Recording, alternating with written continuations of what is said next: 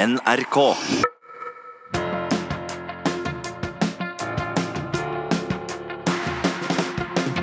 Sjakksnakk med Askild Bryn og Odin Blikravea.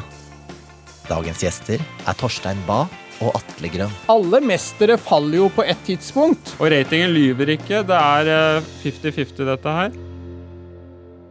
Hei og hjertelig velkommen til en ny episode av eh, Sjakksnakk. Jeg heter Askild Bryn, og som vanlig har jeg med meg min gode venn og kollega Odin Blikreva. Velkommen. Takk. I dag Odin, har vi jo en litt spesiell episode, for nå braker det endelig løs. I morgen så skal eh, VM eh, starte for alvor, med Magnus Carlsen mot Fabiane Caruana. Og i den anledning så har vi rett og slett en VM-spesialepisode i dag. Med to av Norges mest anerkjente sjakkeksperter. Og Odin, du kan jo starte med første gjest. Jo, det kan jeg godt gjøre. Den første gjesten det er han internasjonal mester i sjakk. Sjakkekspert og kommentator under VM-sendingen til NRK. Tidligere president i Norges Sjakkforbund. Han har deltatt i sjakk-OL hele to ganger. Og er nå daglig leder i advokatfirmaet Legalis. Velkommen, Torstein Bae. Takk, takk. Og i tillegg til Torstein så har jeg vært så heldig å fått med Atle Grønn, som også er internasjonal mester i sjakk. Sjakkekspert, forfatter og professor i russisk ved Universitetet i Oslo. Og nå aktuell med boken 'Sjakkgeniene' sammen med Hans Olav Lahlum. Velkommen, Atle. Tusen takk.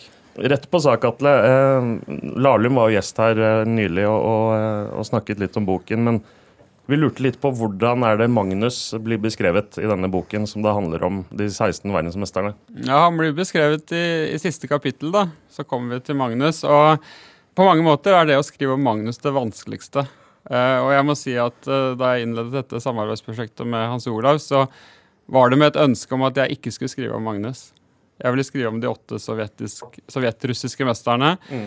Fordi Magnus er jo Han er uh, i sin beste alder. Vi vet ikke hva som vil skje videre. Og jeg kan nevne en litt, annen, en litt, en litt artig episode der. For veldig mange år siden så kontaktet jeg den russiske stormesteren Sergej Sjipov som da var regnet som verdens beste eh, online-kommentator. Det var før Torstein. Eh, og, Viktig å merke seg det. Ja, og Han analyserte og kommenterte Magnus sine partier daglig. når Magnus spilte. Og Så spurte jeg Skipov skal vi skrive en Magnus Carlsen-bok. Og så var han interessert, men så sa han, sa han noe som jeg faktisk var enig i. Han sa at uh, det er for tidlig. Han må bli verdensmester først. Uh, og så da Magnus ble verdensmester, så tenkte jeg kanskje også i de baner. Men så tenkte jeg det er for tidlig, han må legge opp først. Uh, og det er det som er problemet med Magnus. Vi, uh, vi har han fram til han er 27 år. Uh, men vi, det er veldig vanskelig å si noe om ettermælet hans. Vi vet at han er blant de største, men hvis vi skal stoppe nå når han er 27, så er han ikke den største. Mm. og han er kanskje den største av 27-åringene, men han er ikke den største historisk sett. Veldig bra. Um, I dag skal vi snakke masse om uh, VM-kampen som starter i London i morgen. Men aller først, uh, kan ikke dere snakke litt om hvordan dere kom inn i, i sjakkverden? Ja, det hadde seg sånn at uh, da jeg begynte i første klasse på Korsvoll skole i Oslo, så kom det en dag en slipp i, i Ranselposten, hvor man kunne begynne med keramikk, eller man kunne begynne med diverse ting. Og så var sjakk en av de aktivitetene også. og da og en eller annen gang tenkte jeg kanskje det var litt morsomt å, å, begynne på sjakk. Så jeg husker jeg slo opp i vårt leksikon hjemme og så på et sjakkbrett der. Og så gikk jeg på sjakken. Så det var en ildsjel som uh, heter Finn Møller, som uh, hadde hatt sjakk der fra 60-tallet. Og er der fortsatt uh, i dag, og er blitt 93, men står på fortsatt med, med sjakk. Så det er, skylder jeg Finn en, en, stor takk for, og hatt veldig mye trivelige arrangementer med han også senere, både som spiller og som, uh, som arrangør. I likhet med Torstein så kom jeg også inn via skolesjakken uh, på Ila skole. og har jo masse fine minner derfra. Men uh, jeg ville nok ikke ha begynt på skolesjakken hvis det ikke var fordi moren min kjøpte et sjakkbrett til meg.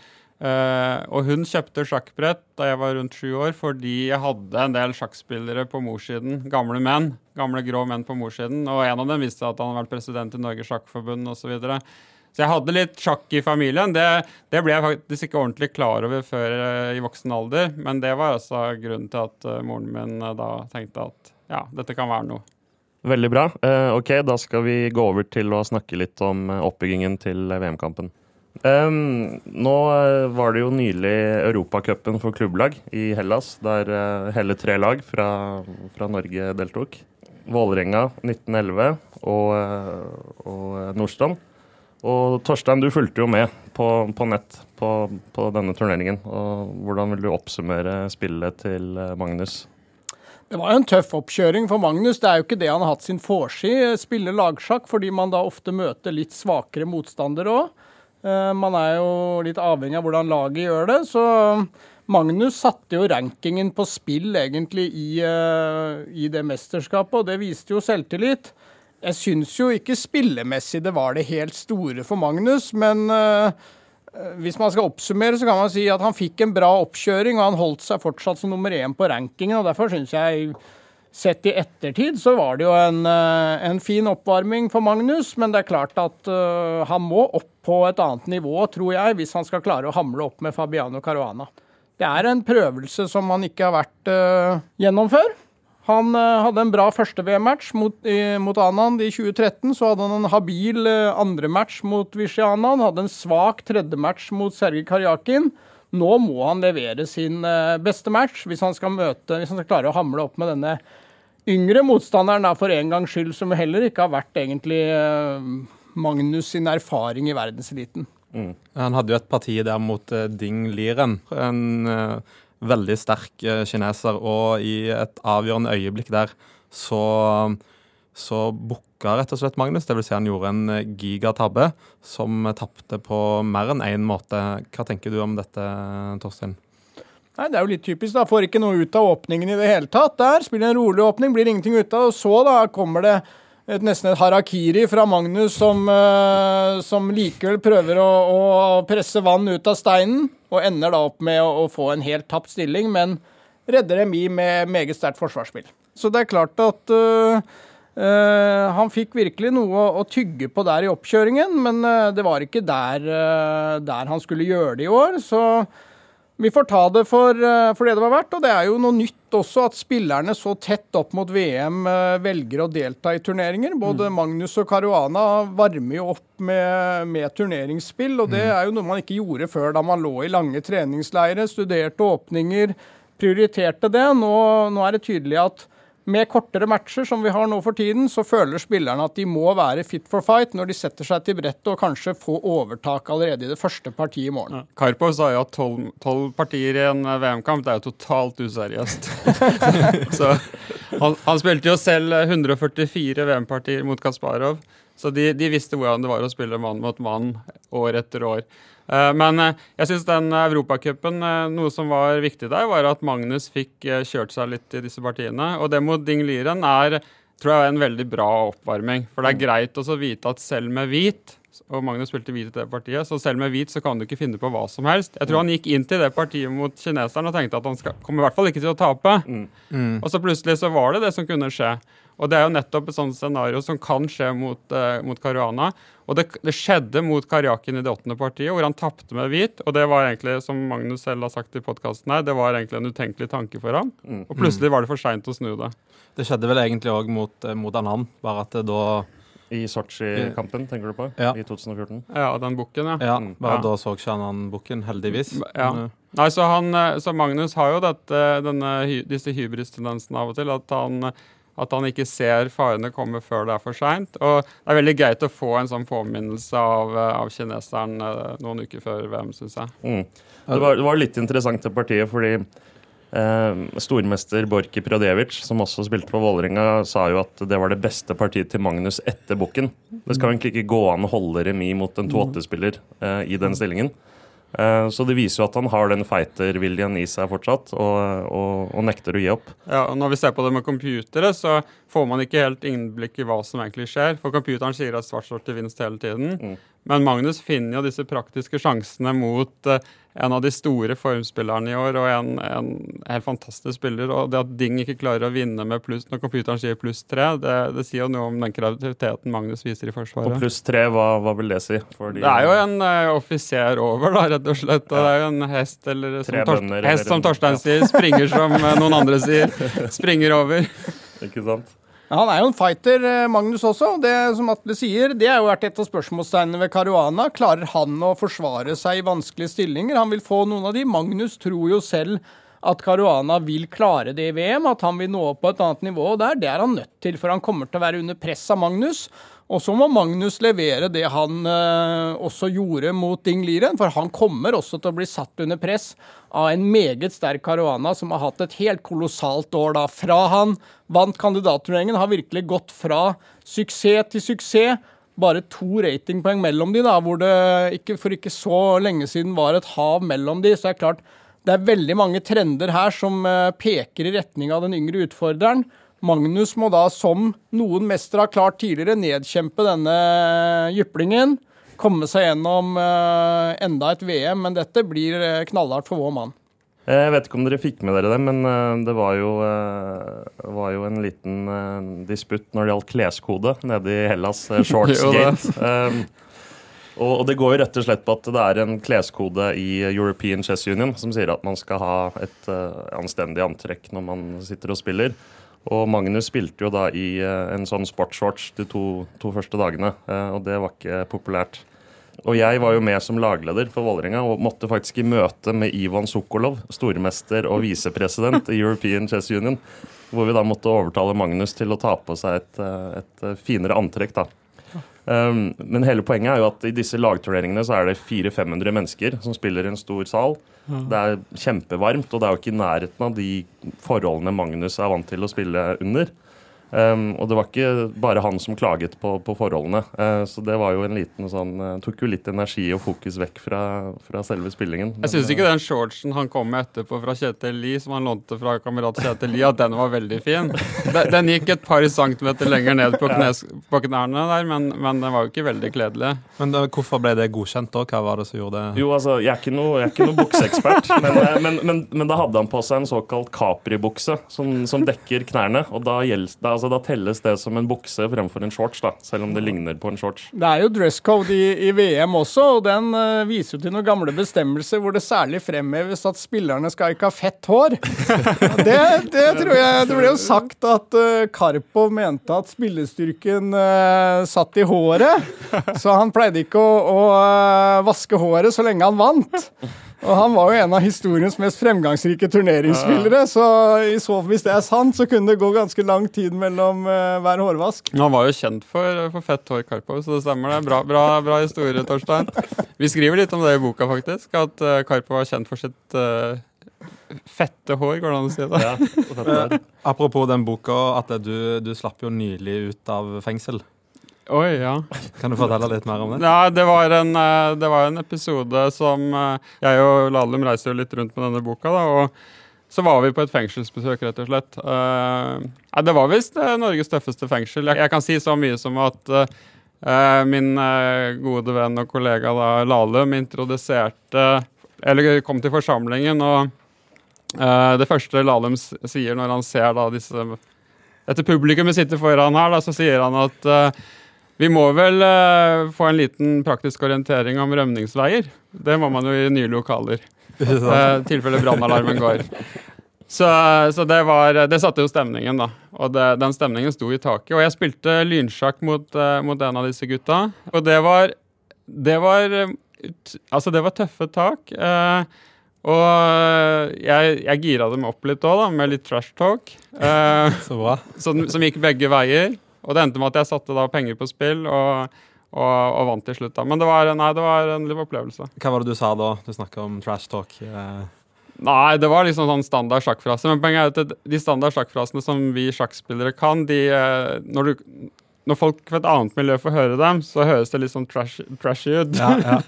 Det var jo særlig i OSC, Oslo Sjakkselskap, før at man hadde veldig mye av dette her. Og det var jo ofte viktigere å, å ha gode replikker enn å ha det gode spillet. Så når man satt der i ytre, ytre lokale, da, som var der folk satt og spilte Lyn og kom etter jobben og tett med, med røyk også i den gangen, hvis vi ser tilbake på 80-tallet og, og før det så er det klart at der hagla det med, med replikker, ja. ja, ja nei, det var, det var, en stor opplevelse. Så, og jeg, vi fikk litt av den atmosfæren, da.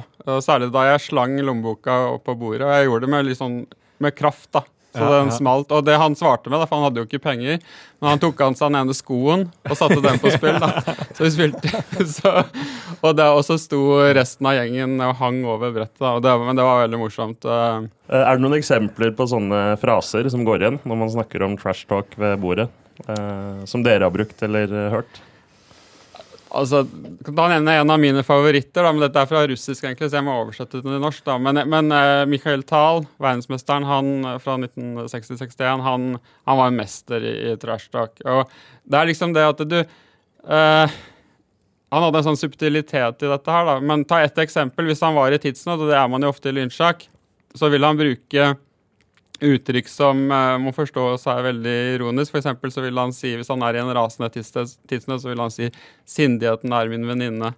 Og det, ikke sant, Når du har tre sekunder igjen og sier 'sindigheten er min venninne', så, så det er en eleganse der da, som jeg har sansen for. fordi det er kanskje ikke tradisjonell trash talk, men, men det du har i sjakkmiljøet, er jo at uh, det er et intellektuelt spill, og det betyr at trash talken blir jo litt da på et litt intellektuelt, intellektuelt nivå, da, for å skryte litt på vegne av sjakkspillere. Tal var jo også en sånn, som, hvis man skal dra paralleller til årets match, da, en yngre motstander møtte Botvinnik da, var 24. Botvinnik eh, betydelig eldre, og Botvinnik også klar favoritt på forhånd i den matchen. Men eh, vi har sett det mange ganger i sjakkhistorien eh, at det er den yngre up and coming som eh, er en farlig utfordrer. Så det er et av eh, momentene før dramaet i London som nå snart skal sparkes i gang. Nå har vi hørt Atle sin trash talk. Hvordan er det du trash talker, Torstein? Nei, jeg er så stygg, den. Den egner seg ikke på, egner seg ikke på radio. Nei, jeg vet ikke, jeg. Det er jo mer sånn at skravla går non stop, er det ikke det? Som Ja, det er er det vanlige. Det er ikke så mye gråviser, egentlig. Nei, og det er jo sånn, ikke sant, Man husker ikke egentlig hva man har sagt. Man Det bare, bare- man, det bare kommer. Eh, og jeg, jeg husker ikke et ord av hva jeg sa under den her, ikke sant? Det er bare det at det er, du er i en stemning, og så, så bare kommer det naturlig. Det, det er bare de små frasene sånn eh, Jaså, A3, så du Ja, ja, du kan, du kan spille du også, ikke sant? Du, bare Det var jo litt hyggelig, da, for ellers er det ofte sjikane man driver med. Jo, men det er jo en slags sjikane. Du kan jo spille du også, ikke sant? Jeg husker litt fra NTG-miljøet. Da var det vel eh, Emil Agdestein, nevøen til Simen, som var mester på dette. her Han pleide å si sånn Ja, ja det er jo et uh, normalt trekk, det. I zoologisk hage. Ja. Veldig morsomt. Eh, nå skal vi snart over til, eh, til det som starter i morgen, eh, VM i London. Men eh, bare runda litt fra Europacupen. Torstein, du hadde jo en liten diskusjon sa jeg, på Twitter med sjakkjournalist Terje Svendsen om eh, Magnus sine prestasjoner mot litt lavere ratede spillere. Hva kom dere egentlig fram til der? Nei, vi har hatt det mange ganger, Jeg, jeg, hvor vi diskuterer hans prestasjoner, særlig mot spillere under 2600. Men det er klart at uh, som all statistikk så kan man egentlig få det, få det svaret man har lyst til, for man kan avgrense i periode, og man kan avgrense ratingintervallet. Så hvis man har lyst til å få fram at han, øh, han gjør det dårlig mot svakere, så kan man det. Og hvis man bytter om litt på parameterne, så kan man få fram at han er ganske god der òg. Men jeg tror jo og det skulle jeg ønske noen av våre lyttere kunne gjøre en jobb og lage en graf egentlig som viser Magnus sin prestasjon relativt mot, uh, mot, de, mot ratingnivået på de han spiller mot. For jeg tror vi ville se en veldig klar tendens til at jo, sta, jo sterkere motstanden blir, jo bedre gjør Magnus det. Og det har vært veldig tydelig gjennom, uh, gjennom hele hans tid egentlig som toppspiller. Vi har hatt spillere som f.eks. Dmitrij Jakovenko en uh, meget dyktig uh, russisk uh, stormester. Som var kjent for å være ekstremt effektiv mot lavere ratede spillere. Vil si kanskje fra nummer 50 i verden og nedover, så bare feide han over dem med ekstremt gode åpninger og, og sterk teknikk. Men når han møtte de beste, så ble han for lett. Mens Magnus har hele tiden vært, vært litt motsatt. At han som han også sier selv når han møter Karjakin, som vi hørte i podkasten, han klarer ikke helt av en eller annen grunn å, å yte 100% Han mister energi, han mister konsentrasjon. Han er ikke best når han føler at dette, dette er egentlig greit, her kan jeg ikke tape. Han trenger den pushen han får når han møter de store kanonene. Og da er jo ingen kanon større nå enn det Fabiano Caruana er, og det er jo det som gjør at vi har alle grunner til å, å forvente en uh, knallmatch i London. Mm. Eh, hva tenkte du Atle, om at han, at han spilte Europacupen? Eh, han fikk jo ikke med seg noe selvtillit nødvendigvis, men det var god matching, eh, tross alt. Men eh, Ja, jeg tror det er riktig eh, å spille en sånn turnering så tett, fordi, tett opp mot VM. Fordi Uh, han uh, Hvis vi ser på VM som en turnering, og sammenligner med turnering, så vet vi at, han, at Magnus ofte sliter i de første partiene i en turnering, så han er nødt til å være varm. Eh, når han setter seg ned. Og treningspartiet, som han helt sikkert spiller, de gjør ikke samme nytten som den, det adrenalinet han fikk da han eh, slet mot Ding Liren. Mm.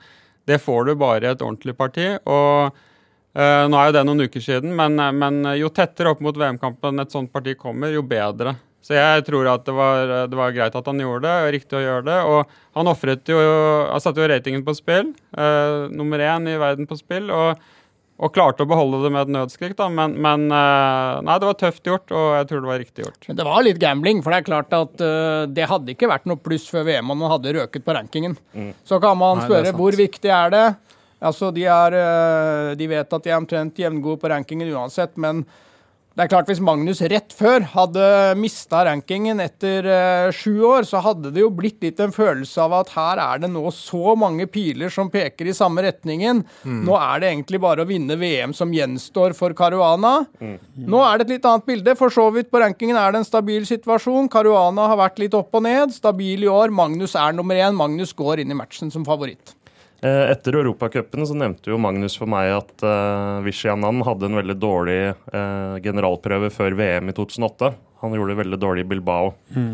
Og Magnus jobba jo i teamet til Anand på den tiden, mm. så da dro de på treningsleir. Og da sa Magnus at da skrudde Anand på denne VM-modusen og, og, og vant VM like etterpå. Og Det er jo det Magnus må prøve på nå, når han er på treningsleir. Jeg har vært på treningsleir, ikke sant, og, og komme inn i den uh, formen som kreves da, for å beholde tittelen. Ja, og så spørsmålet liksom, har han den modusen er det, er det en teknikk han har for å finne den modusen? For det var jo ikke akkurat det vi, vi så forrige gang. Så vi kan jo ikke foreløpig si at Magnus, selv om han selvfølgelig har utrolig nyttig erfaring fra tre tøffe matcher nå, så har vi ikke foreløpig noe tegn på at egentlig han har en metode for å komme i, eh, i form inn mot disse matchene. Kanskje trakk han mye ut av den, eh, den forrige tøffe matchen, som jo var virkelig på hengende håret at han kom seg gjennom den og fortsatt er verdensmester. Vi eh, håper og tror det, men eh, det får vi jo egentlig se da når det braker løs. Det det er én ting jeg syns er verdt å, å trekke fram når vi sammenligner med de tre foregående VM-kampene. og det er at Magnus har overrasket i hvert fall meg i alle disse tre kampene med, ved å ikke henge etter med svart i åpningen. Foran hver VM-kamp så fryktet vi at de sterke hvitspillerne Anant og Karjakin skulle ta Magnus i åpningen. Det skjedde aldri. Magnus hadde aldri noe problem med svart. Og det tror jeg er nøkkelen her. Vi frykter eh, Caruana med, med hvit. Eh, Men hvis Magnus da kan overraske for fjerde gang og faktisk eh, nøytralisere den hvitfordelen til Caruana, og Caruana er livsfarlig med hvit, men hvis han klarer det sånn som han gjorde med Karjakin og annet, så, så vil det øke sjansen hans betraktelig. Og det, jeg tror nøkkelen ligger mye der. Per i dag så spiller ikke Magnus objektivt bedre enn Caruana. Snarere tvert imot, hvis du ser det siste året under ett. Men uh, kommer han opp med et bra svartforsvar, sånn som han har gjort gang på gang, så, så tror jeg det kan være nøkkelen til suksess. Men det er jo sånn sett enda mer overraskende at det ble så tett match forrige gang, selv, selv Ja. når Magnus klarte det. og det men det er klart at uh, det sies jo at forsvarsspillet er den fasen som, uh, som verdenseliten er- har gjort størst fremskritt i de siste tiårene. Og det er klart at uh, Karjakin var også veldig sterk med svarte brikker. Han forbereder seg godt og har forsvarene klare. Det må vi forvente at Caruana også har. Men men Magnus sa jo på denne podkasten at han faktisk spilte helt elendig mot Karjakin. Det var ikke de ordene vi brukte i NRK. så nå, Da Magnus ble verdensmester, men, men han innrømmer jo nå to år etterpå at han spilte helt elendig i den kampen. Og Det er en, det er en viktig prinsipiell forskjell mellom Karjakin-VM-kampen og Caruana-VM-kampen. Det er at Magnus hadde jo altfor stor selvtillit foran Karjakin-møtet. Eh, mot Caruana så er han jo forberedt på at dette her blir knalltøft. Og det, Hvordan det vil slå ut, om det vil slå ut i at Magnus ved at Magnus klarer å heve seg eller ikke, det er jo det store spørsmålet. Men, men han burde jo på en måte være proff nok til å være i modus hele tida. Det er han jo ikke, og det vet jo alle vi sjakkspillere at vi klarer jo ikke det. Eh, så er det noen av oss som har spilt eh, tre gode partier på rad og så klarer et fjerde? Nei, vi klarer ikke det. Det er, ing- det er, det er, det er ikke menneskelig mulig, det. Jeg spilte en gang mot Frode Elsnes, som er norgesmester, og da var en turnering på Gausdal. Da hadde jeg vunnet eh, to partier på rad før jeg møtte han, og da sa Elsen for han syns, hadde først vært litt nervøs for at han skulle møte meg, men så så han at jeg hadde vunnet to på rad. Og da skjønte han at da var det ikke så farlig, for da kunne jeg ikke vinne enda en. Men, men russ, russerne har et veldig godt uttrykk for dette. her. De har nemlig det å vinne én på rad. altså, han er i form, han har vunnet én på rad. Ja, det er ofte det det blir med. Ja, ja. Men, men går det litt på, på sult? At, um, du nevnte jo at det, det er en tendens til at de yngre utfordrerne uh, biter godt ifra seg i, i VM-sammenheng. Uh, og at de er mer sultne på, på suksess. Og Magnus har jo vært sant, den beste spilleren i verden i snart ti år. Vunnet tre VM-kamper. Hvordan skal han klare å motivere seg for å bli på toppen? Ja, dette er jo noe vi har sett helt fra Lasker nedsablet Steinitz i 1894, at det er den yngre som kommer og feier gammelen av brettet. Nå er det jo bare to år mellom disse. da. Heldigvis, Magnus er jo en ung mann fortsatt, egentlig.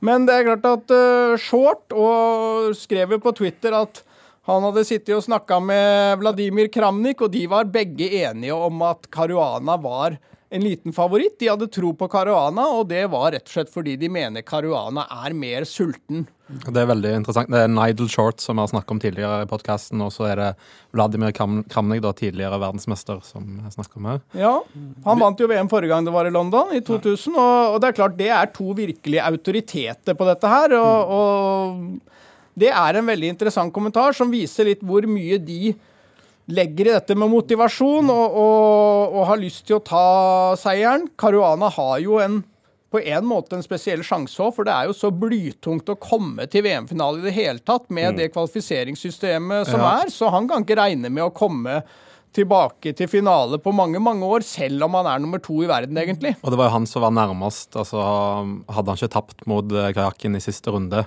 forrige gang, så var det han som hadde spilt eh, forrige VM-match. Så sånn sett er det veldig fortjent kan man si, at det er Caruana nå som skal eh, utfordre Magnus, fordi han har vært eh, i toppen nå eh, de to-tre siste årene, på et veldig høyt nivå. stabilt. Så er det jo særlig etter denne seieren da, at han selv har sagt også at han er kommet opp på et helt annet nivå. Han begynte jo året elendig i Vaikanse, den klassiske turneringen i Holland, i januar. Så vinner han kandidatturneringen, og så har han jo vunnet uh, i Baden-Baden foran Magnus. Han har vunnet Norway Chess. Han har uh, gjort det sterkt i OL, en rekke andre prestasjoner, så han har virkelig hatt et helt uh, kolossalt år. Men ikke så god når han spiller mot Magnus, så det tar vi med oss. Mm.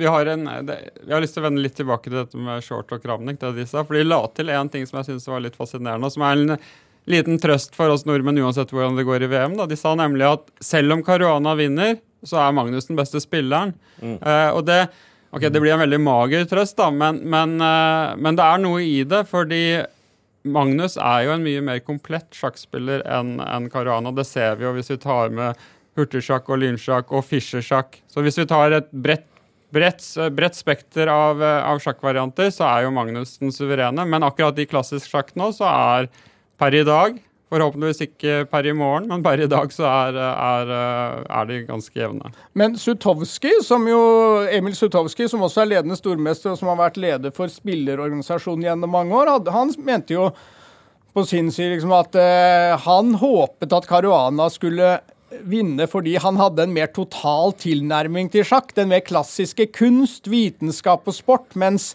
sånn han ser det, så er Magnus den rene sportsmannen, da, som det handler alt om å vinne. Så det er liksom et annet syn på hvem er den store sjakkspilleren. Hva er sjakk? I, Jeg i er og faktisk, der er jeg uenig med, med stormester Sutovskij. Jeg er enig i at, at Caruana har dette med vitenskap og sport. og Han har vitenskapskomponenten også i mye sterkere grad enn Magnus. Men Magnus eh, Det kan ikke bare være sportsmann Magnus. Magnus må gjøre noen gode trekk også. Eh, For å få det til. Så det må være noe mer enn altså Det er ikke bare å ta masse armhevinger og løpe på tredemølla og så sette seg ned og bli verdensmester i sjakk. Du må, gjøre, du må spille noen gode trekk. Ja, jeg skulle gjerne spilt noen flere gode trekk. Jeg. Nei, men det er interessant, i hvert fall, for det også illustrerer jo litt at det er forskjellig syn på hva sjakk skal være, egentlig. Og, og hvor man fortsatt har en skole som ikke vil at dette bare skal være konkurransen eh, og, eh, og hvem vinner, at det er det det handler om. Men at det er noe utover det som også mange, mange spillere er på jakt etter. Men, men, Magnus er jo en Jeg syns han er en mye mer komplett sjakkspiller også fordi han kan spille alle stillingstyper. Uh, Caruana er en veldig konkret uh, variantspiller. Regner nok uh, Jeg tror at Caruana kanskje regner lenger enn Magnus i mange stillinger. Mm. Men Magnus kompenserer jo med en, med en intuisjon som som er helt gudebenådet. Og det syns jeg Sutovskij og disse kritikerne bør ta med. Det er ikke bare sport, det er også den intuisjonen.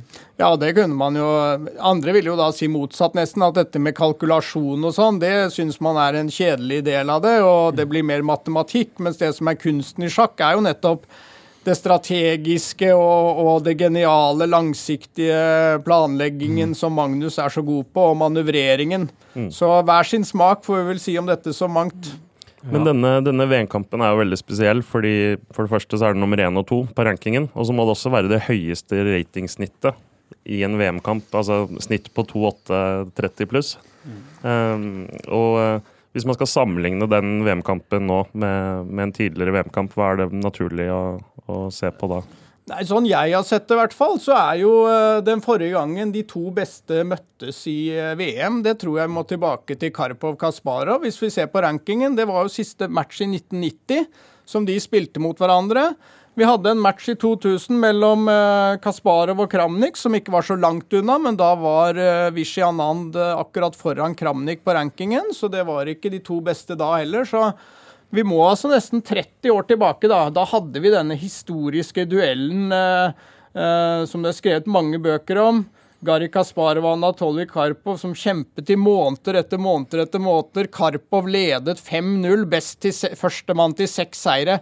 Kasparov kommer tilbake da matchen brytes av, man gjenopptar, og til slutt er det da den unge Kasparov som blir eh, verdensmester. En, eh, en, eh, eventyrlig match, det også, som fenget eh, fenget verden uh, den gangen, på 80-tallet. Så uh, denne gangen er det jo ikke den samme moroa over mange måneder. Ellers skulle jo Atle og jeg uh, holdt på med dette for det norske publikum måneder og år. Så her er det tolv partier. Det kan bli omspill etter det, men her får vi jo en mester senest 28.11. Um, vi snakka jo litt om uh, statistikk og, uh, tidligere, og um, Magnus har jo en veldig god statistikk mot Caruana innbyrdes. Uh, men stoler vi litt for mye på den? Altså, har vi, har vi grunn til å, å, å, være optimistiske, eller lyver statistikken litt? Nei, den lyver ikke, men det er jo også den eneste pila som peker i rett vei. Så det er jo vårt halmstrå, denne personlige innbyrdes statistikken mellom de to. Uh, nå skal det jo sies, og det har blitt sagt mange, av mange, og Magnus sa det selv også, at eh, ok, han har slått Caruana veldig mange ganger, men, uh, men Caruana er jo også blant dem som har slått Magnus flest ganger. Mm. Um, og det gjør jo at vi kanskje kan håpe på en VM-kamp med relativt få kjedelige remier. At det blir mye blod. Mm. Kanskje det blir mye blod begge veier. Um, så på mange måter så er dette her en det er den VM-kampen av de fire vi har hatt uh, på norsk TV som det er størst forhåpninger til uh, sjakkfaglig, og det kan bli en, en historisk uh, bra duell. og sjakkverden trenger det. Så mm. det, hittil så har vi i Norge vært bortskjemt med disse VM-duellene, men de tre VM-duellene til Magnus hittil har ikke fenget så bredt internasjonalt, fordi Magnus har vært for, for dominerende. Mm. Nå får vi to gjenbydde spillere, sånn som Karpo spare på 80-tallet. Mm. Men det er klart at uh, den mest berømte matchen vi har, er jo Fischer Spassky Reykjavik 1972. Uh, eh, og der hadde jo Spaski en meget bra score mot Fischer uh, på forhånd ble jo likevel uh, banket sønder og sammen. Det ble jo sagt i ettertid at Spassky hadde vært uh, veldig lat. Ble jo kritisert ja, ja. kraftig for det av, uh, av sovjeterne. Spassky sa, sa, jo at 'jeg kjemper en daglig kamp mot latskapen', og, og, den vinner som regel. Ja. Men det er klart at dette med å ha en god individuell score kan bli en litt sånn sovepute i forkant. da, Hvis man føler det 'ja, jeg har taket på han', det er greit, han har vunnet 6-0 mot Larsen, har vunnet 6-0 mot Taimanov, men jeg har kontrollen på Bobby Fischer. Heldigvis er det jo ingenting som tyder på at Magnus uh, ser på, som på det, men vi har eksempler på at uh, når vi kommer til en match, det er noe annet likevel enn det som er turneringsspillet. Turneringsspillet er jo Magnus sin forse, det kan ikke være noe tvil om det. Så når vi setter oss til brettet ja, selvfølgelig er det et pluss for Magnus å ha 10-5 i langsjakk uh, mot Caruana, men hvor mye det har å si, det, det er egentlig et åpent spørsmål, syns jeg. Vi har, jo, vi har jo naturligvis hatt eh, stort fokus på Magnus i denne podcast-serien. Men uh, kan dere ikke fortelle litt om uh, hvem Fabiane Caruana er, og litt om hans vei til verdenstoppen? Ja, han er jo en ung gutt fra, fra USA, da. Fra New York, Brooklyn, som tidlig fikk en interesse for sjakk. Og jeg tror ikke han hadde noe spesielt i familien som tilsa det. Men han begynte tror jeg, allerede som femåring, og, og, fikk da snart oppfølging av en av de fremste amerikanske trenerne, Pandolfini. Og ble vel klart at han var et stort talent. Og så stort da at de etter hvert besluttet, uh, tror jeg etter råd fra stormesteren Miron Scheer, at de skulle flytte til uh, Europa for å satse på sjakk. Europa er jo sjakkens kontinent. Uh, det er ikke noe tvil om det. At du får ikke de samme mulighetene til å spille sterke internasjonale turneringer i USA. Så de flyttet der, fortsatte å trene der med eh, russiske trenere primært, fra den, si, den russiske sjakkskolen, og hevet seg da gradvis uh, steg for steg, og ble jo stormester i ung alder også, gjennom tre turneringer i Budapest. Da var han vel 15, eh, tror jeg. Sånn at uh, Han har jo vært tidlig vært etablert som et stort navn, og så går han jo for så vidt inn i denne lange listen av amerikanske håp etter Fischer, hvor vi jo jevnlig annethvert år har hørt om at nå kommer den nye Fischer. Så har det blitt litt sånn hakk i plata. Uh, men her er faktisk en da som klarer å komme seg helt, helt fram. Og sier jo selv at han uh, er vant til å jobbe knallhardt.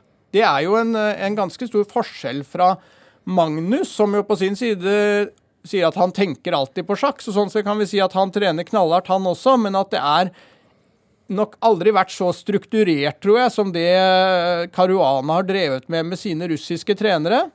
Så det er en, en stor forskjell mellom de, og, og, kan jo forklare noe av dette med at han har sin styrke i, i åpningsfasen også, Caruana. Så likevel, litt opp, litt ned. Ikke noen klar nummer to. Eh, helt fram til egentlig han vinner kandidatturneringen i mars i år. Og så er det suksess, suksess, suksess. Den vil ingen ende ta helt fram til vi nå setter oss ved brettet i London. Torstein nevner dette med de sovjetiske eller russiske trenerne. og på mange måter så er Caruana en representant for den sovjetrussiske sjakkskolen. Uh, Magnus er jo definitivt en representant for den norske sjakkskolen, hvor eh, sjakk er sport. Heia, heia. Ja, ja, ja, hvor, eh, med, med, NTG, hvor dere gutta har gått, med Simen Agdestein, landslagsspiller i fotball og dette her. Og det har jo Magnus tatt med seg, denne fysiske biten, å, å få sjakk til en utmattelseskrig. Mm. Um, mens Caruana er en uh, mye mer klassisk sjakkspiller på den måten. Og jeg liker å se på Caruana litt som uh, Mikhail Batvinnik, den uh, sovjetiske patriarken, grunnleggeren av den sovjetiske sjakkskolen. Fordi Caruana er så prinsipiell. Han har en idé om hva han skal gjøre i åpningen, og så gjennomfører han den, og så regner han og jobber i, konsentrert hele midtspillet, og så vinner han partiet på det. Magnus er ikke prinsipiell. Magnus vil vinne partiet, men han er ikke han har ikke noen dogmer for hvordan man skal gjøre det. Mm. Han kan gjøre det sånn som det passer ham der og da. Uh, mens Caruana er så prinsipiell og, og, systematisk, eh, og det har han fått fra disse sovjetiske trenerne. Så han er jo ekstremt skolert og, og, og ekstremt god i konkret variantregning, men har jo ikke denne lettheten til eh, Capablanca, den cubanske verdensmesteren, eller til Magnus. Mm. Så det er, det er to litt forskjellige spillestiler her. Men uh, altså, Sovjetunionen og Russland har jo dominert og hatt uh, stor innflytelse på, på, sjakken. Kan du ikke forklare litt mer hva den russiske sjakkskolen er? Jo, eh, vi har vært inne på det at sjakk er jo en kombinasjon av, av kunst, vitenskap og sport. Og, og før annen verdenskrig så var, var, kunsten et veldig viktig element i sjakken. Så ble vitenskapen mer og mer viktig, og med med den sovjetiske sjakkskolen så ble vitenskap og sport de viktigste elementene. Selv om det er unntak der også, sånn som Tal, som, eh, som, vi nevnte. Han er jo fremdeles en kunstner. Men eh, vitenskap og sport ble viktig. Eh, og Så kom den norske sjakkskolen hvor sport ble, veldig, ble, enda viktigere enn vitenskap. Men for å ta den sovjetiske og russiske, da, så, men, så det som er det aller mest sentrale her, er jo at sjakk i Sovjet etter annen verdenskrig blir et statlig satsingsområde. Og Det er første gang i historien det skjer at uh, et land, og til og med en supermakt, stormakt, satser faktisk på sjakk. Og det, og det hever jo nivået uh, voldsomt. Og resten av verden har ikke sjans til å henge med de neste 25 årene, mm. før denne enslige Fischer dukker opp i 1972 da, og bryter hegemoniet. Men, men det vil vi aldri se igjen. Det nærmeste vi kan komme, kanskje, er Kina. Hvis Kina Eh, med den suksessen de har hatt nå, velger å satse statlig, så kan vi kanskje se noe som kan minne om dette. da. Men, men jeg tror aldri vi vil få oppleve den dominansen som Sovjet hadde, hvor rett og slett de var eh, Alle andre ble amatører i forhold. Mm. Må jo skyte inn at eh, vi har jo sjakk i skolen i Norge òg. Men eh, det blir ikke akkurat det samme. Nei, nei altså det er en, det er en, en liten misforståelse, faktisk, som jeg kan oppklare. Det er mange som tror at siden man satset så mye på sjakk i Sovjet, så var sjakk et skolefag. Det var det faktisk ikke. Men man hadde sjakk som en del av en liten del av matematikkundervisningen hvor man trente logikk og sånne ting. Ja. Men det, det eneste landet siviliserte landet, pleier jeg å si. Men, for det er faktisk noen sånne land som man nesten aldri har hørt om, som har hatt sjakk som skolefag. Men det landet man har hørt om med sjakk som skolefag, er jo Armenia. Mm. Ja. Og Armenia har uh, færre innbyggere enn Norge, uh, men tre ganger så mange, eller nesten tre ganger så mange stormestere. Mm. Så, så, sjakk wow. som skole, obligatorisk skolefag, det hjelper. Hvis man bare skal si et par ord om dette med sjakk, sjakk og samfunn, eller sjakk som kunst, så er det jo interessant at det er jo folk som har trukket paralleller til sjakk til samfunnsutviklingen som sådan, hvor man ser Tals voldsomme offerspill som også et uttrykk som kom samtidig med, med Brezjnevs eh, oppmykning i Sovjet. Man ser Kasparov-stil eh, også sammen med Glasnost, som kom da. Så det er klart at eh, for den som interesserer seg for disse tingene, så er det ganske mange interessante ting man kan uh, filosofere over rundt dette her. Hvilken samfunnsutvikling kan man si gjenspeiler seg i, Magnus sitt spill, eller hvordan han uttrykker seg i, i, sitt spill? Jeg vil si at vi ser elementer av det norske samfunnet der. Mm. vi ser nemlig det at vi lar barna uh, leke seg til læring, uh, og, og um, denne, dette lekelementet er veldig tydelig i Magnus. Magnus ble god gjennom å spille mye og ved å studere på egen hånd. Uh, han, med, han spiste middag med boka i den ene hånda og gaffelen i den andre på, på gutterommet. mens Caruana og de, og de sovjetiske bakstjernene, de hadde jo systematisk trening. og da kan man av og til gå litt lei, og læringen blir ikke så effektiv. Men i Magnus' tilfelle så har jo læringen vært veldig effektiv fordi den har vært lystbetont hele veien. Mm. Så er det klart at det vi ser, er at Magnus tar dette med sjakk som sport et skritt videre, og det kan man vel si er en slags uh, kommersialisering av sjakken, hvor dette også blir en del av uh, den store underholdningsindustrien som, som, sporten er. Så det er klart at andre ting kommer litt mer i bakgrunnen. Her er det også nå som uh, jo er meget gledelig, men det er sjakk på TV, og det er Sier du det? Eh, jeg syns jo det. Jeg syns jo det. Veldig bra. Um, tenkte vi skulle snakke litt om uh, viktigheten av å ha hvit i VM-kampen. Uh, og hvit i første parti. Altså, kan man sammenligne det litt med en straffekonk i fotball? Altså starte straffekonk? Jeg tror ikke dette å ha hvit i første parti har noe, er verken positivt eller negativt. Fordi mm. med hvit i første så har du jo presset på deg. Mm. Uh, må, med svart i første så vil du ha en god dag når, når, hvis normalresultatet kommer, nemlig remis. Mm. Og det er jo det er ingen hemmelighet at remis er normalresultatet i toppsjakken. Eh, så det er jo 80 sjanse sånn for at første parti ender remis, og da er det greit å ha svart i første. Men så er det jo sånn at man bytter halvveis, da, så, så, man får jo den ene får jo to svarte på rad halvveis. Mm. Men det er klart at spørsmålet her er jo alltid sånn Går man går man rolig ut fra start, som man pleide å gjøre før, i lange matcher og, og, mer få en grei start? Eller skal Magnus prøve å trykke til fra parti 1? Magnus selv var jo ekstremt shaky når han spilte sin første VM-match mot Vichy. Ikke bare det første partiet, men deretter også. Før han kom litt i hektene og kom inni der. Dette er noe Caruana aldri har vært med på før. Det er større enn noen ting han har vært i nærheten av. Så for Magnus så er det klart at uh, Jeg tror han bør prøve å utnytte den rutinefordelen han har, og, og banke til fra start. Jeg må nevne Når Torstein sier at Magnus får shaky mot han, han de andre partiene med svart, så, så, jo, så spilte Anand kongebonden fram, da, to skritt fram. Og så skulle Magnus svare med C-bonden, som er litt ikke hans første valg. Og så mistet han bonden omtrent, for han var så nervøs. Eh, så det, de TV-bildene der er faktisk ganske morsomme. Mm. Uh, en Magnus som nesten ikke klarer å sette bonden på et riktig felt. Ikke sant? Og jeg, jeg, tror dette er veldig viktig, det som Torstein sier, at um, han må bruke dette til sin fordel. At han har vært gjennom dette før. Han er vant til dette trøkket og presset en VM-kamp bringer med seg. Mens dette er jo en ny opplevelse for Caruana. Så det å gå hardt ut eh, tror jeg er veldig en, en god, god, taktikk. Det er jo de to tingene han primært har å, å spille på, eller som er i hans favør. Han har god innbyrdes score, og han har tre tøffe matcher eh, i beltet som ikke Caruana kan matche i det hele tatt. Så Magnus bør absolutt prøve å ta ledelsen uh, i starten av denne matchen. Mm. En, en, annen forskjell, uh, forskjell, på spilleren her er jo, og det er litt sammenheng med det at Magnus har disse tre tøffe VM-kampene bak seg, men, men Magnus uh, tror jeg er mye mer komfortabel med det medietrykket som vil være i London. Mm. Caruana, uansett som, hvordan man beskriver Caruana, så er han jo ingen stor karismatiker og mediepersonlighet. Eh, det, det, kan endre seg, for vi har tatt feil på dette før. For mm. vi trodde jo at Karjakin ville være en fiasko på norsk TV fordi han manglet karisma. Så viste det seg at han ble en yndling for norske TV-seere. Og manageren hans, ikke minst. Og ikke minst manageren. Så, så sånt kan snu. Kan snu. Men, men, men Caruana er jeg har aldri hørt Caruana, eller Karjakin for den saks skyld, si noe som ikke er superkorrekt. Mm. Altså, de, de, er veldig forsiktige og, og veldig, Han er jo veldig streit, altså veldig utad streit, i, i media ja. og, og, sånne ting. Ja, og liker ikke, han er, han er først og fremst en sjakkspiller, mens, mens Carlsen har jo begynt å leke litt med media, spille, eh, spille litt på lag med media. Mm. Eh, veldig ulik sånn som han var som tenåring, da. Mm.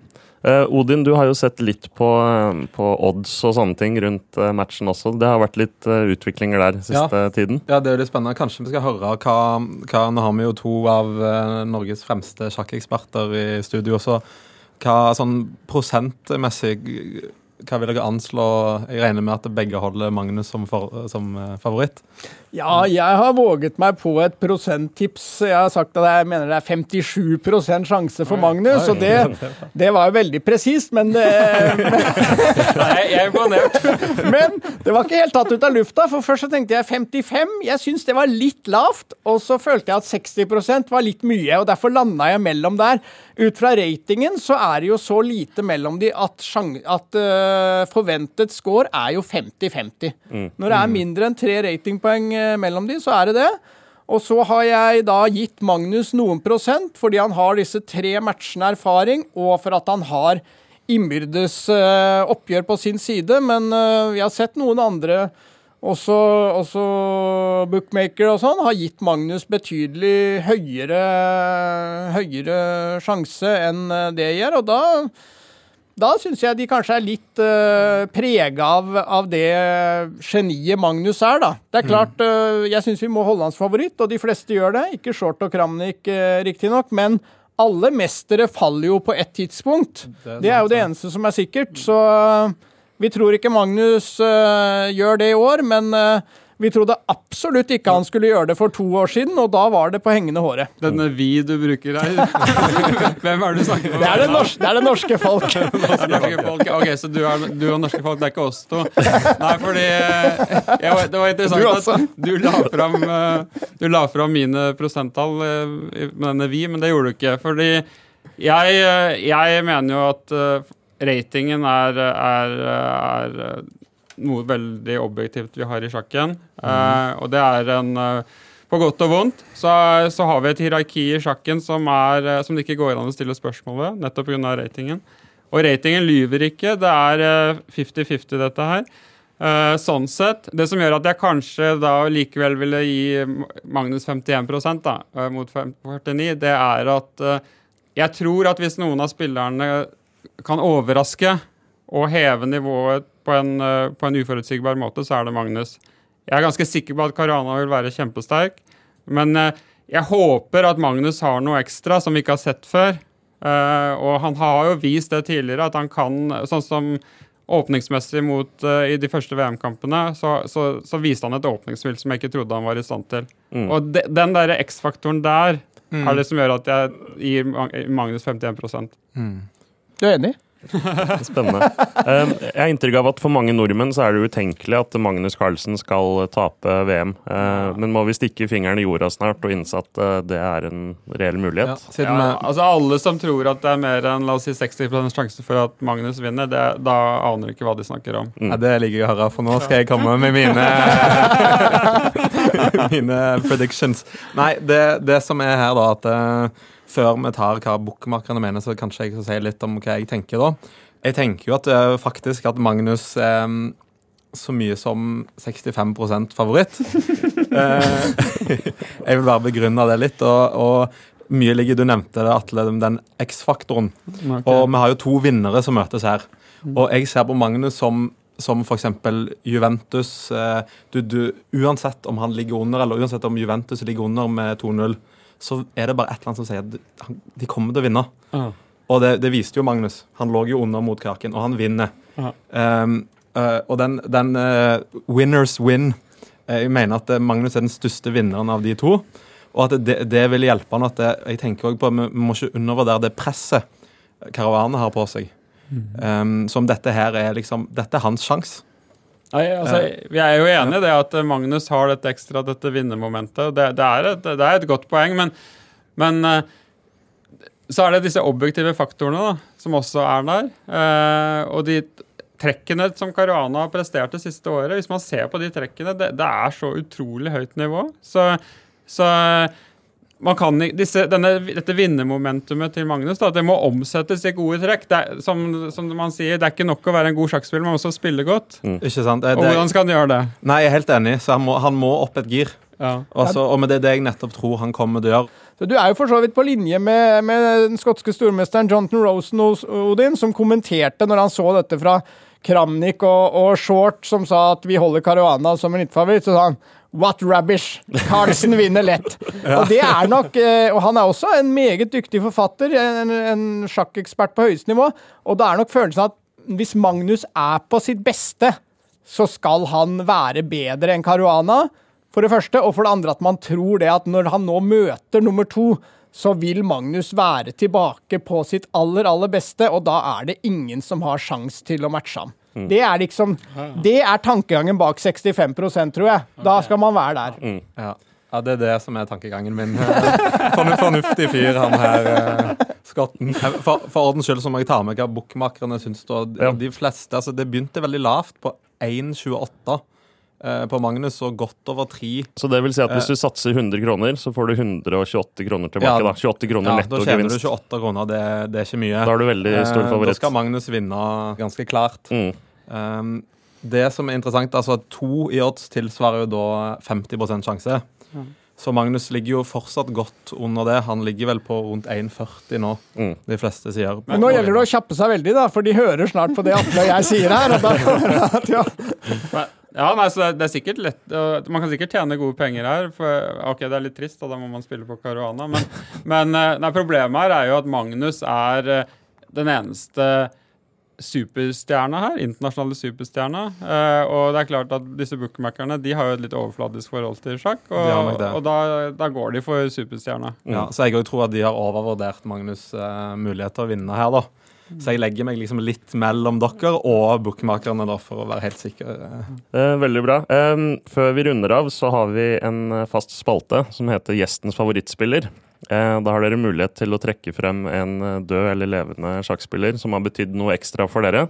Eh, så Atle, du kan jo begynne. Da vil jeg ta den av de 16 verdensmesterne som spillemessig er mest ulik meg, men som for meg er den en av de store gåtene og den mest fascinerende personligheten. Det er nemlig Michael Tal, eh, som var verdensmester bare ett år. Men, men han, han var en Som sjakkspiller så var han en kunstner og en bohem og en, en, en litt sånn Odin-type på sjakkbrettet. Takk for det. Eh, men, eh, men som menneske så var han også en bohem og en kunstner og en fantastisk personlighet. Og så hadde han dette lille ekstra som, jeg- som jeg er fascinert av, nemlig han, han er den morsomste og mest beleste av sjakkverdensmesterne. Han kunne sin russiske litteratur, som han kalte for svart magi, og han var et sitatmaskin. Eh, et oppkomme av, av morsomme historier, og hadde alltid en, en replikk på lur. Nei, så, så Tal for meg er eh, den mest fascinerende personligheten av de 16. Mm. Han blir vel kalt uh, trollmannen fra Riga òg. Ja, nettopp. Og det, når man ser bilder av han og ser dette, dette lure smilet og disse øynene som, som hypnotiserte motstanderen og forførte kvinnene. Han Mm. var jo en eh, ja, han var en fantastisk personlighet. Han hadde, han hadde fire, fire hobbyer som han fulgte livet med 24 timer i døgnet. og Det var sjakk og gambling var det ene. Og så var det jo alkohol, og så var det røyk, og så var det kvinner. Uh, og han levde da et, Det ble et kort og hardt og intensivt liv. Uh, han, sa at han, hadde, han, var, han sa at han levde et syndig liv. Så han hadde drevet med alt dette her. da, Gambling, eh, hor og, og, og rus og alt mulig rart. Det eneste, eneste synden han aldri hadde begått, sa han, det var postsjakk. Veldig bra. OK, Torstein, da er det din tur. Ja, det er veldig vanskelig. da. Det er mange, man kunne, det er mange norske også som kunne vært uh, fortjent å, å være nevnt. Ta en av oss, da. Ikke lov til å nevne seg selv, som vi pleier å si. I all beskjedenhet. Jeg husker noen partier. Nei, nei, jeg tror kanskje jeg skal lande på, på en danske. Eh, Den virkelig store nordiske spilleren da, før eh, Magnus, Bent Larsen, som var eh, også i den absolutte verdenseliten og var en potensiell verdensmester også. På mange måter kan jeg si kanskje litt som Magnus, i at han kom fra et land og var litt en enslig svale i sitt land. da, Hadde ikke noen på samme nivå å, å trene med eller konkurrere med, men var en utrolig begavelse. Og eh, var jo egentlig helt med i, I 1970 så spilte han jo på en match der han spilte foran Fischer også. Men så, i, eh, i kvalifiseringen til eh, VM 1972, så møtte han Bobby Fischer i, uh, i utslagsspillet for å komme til VM-finale, og tapte da 6-0 mot Fischer. Og kom egentlig aldri helt tilbake fra det. Han var i verdenseliten eh, etter det også, i mange, mange år, men reiste seg ikke helt. Så, og la, kanskje litt eh, Vi kan eh, se også fram mot Magnus. Det er klart at i neste omgang, da, Peter Heine Nilsen, som jo også har jobbet masse med Larsen. Og vært, når Larsen bodde i Sør-Amerika også, så var han der på besøk også. Eh, og, og skrev sammen med Larsen og, og studerte sammen med Larsen. Den kunnskapen igjen overført til Magnus, som jo også er en kreativ og original spiller. Så Eh, anbefaler folk å, å gå inn på nettet, gjerne kjøpe bøker, studere noen partier av Larsen med hans egne kommentarer også, og tenke litt på hvordan dette også har slått ut. At det er litt en nordisk sjakkskole som ligger bak her også, fra Larsen til eh, Magnus til VM-gull, og kanskje snart enda et VM-gull. Kjempebra. Eh, Da tror jeg det blir eh, siste ord i eh, denne omgang. Eh, Tusen hjertelig takk for at dere kom, Atle og Torstein. Nå er vi klare og spente før eh, det braker løs i morgen. Gleder oss til en eh, jevn og spennende VM-kamp i eh, London. Det gjør vi absolutt. Det er vel bare én ting som gjenstår å si, egentlig. Vi sjakkes!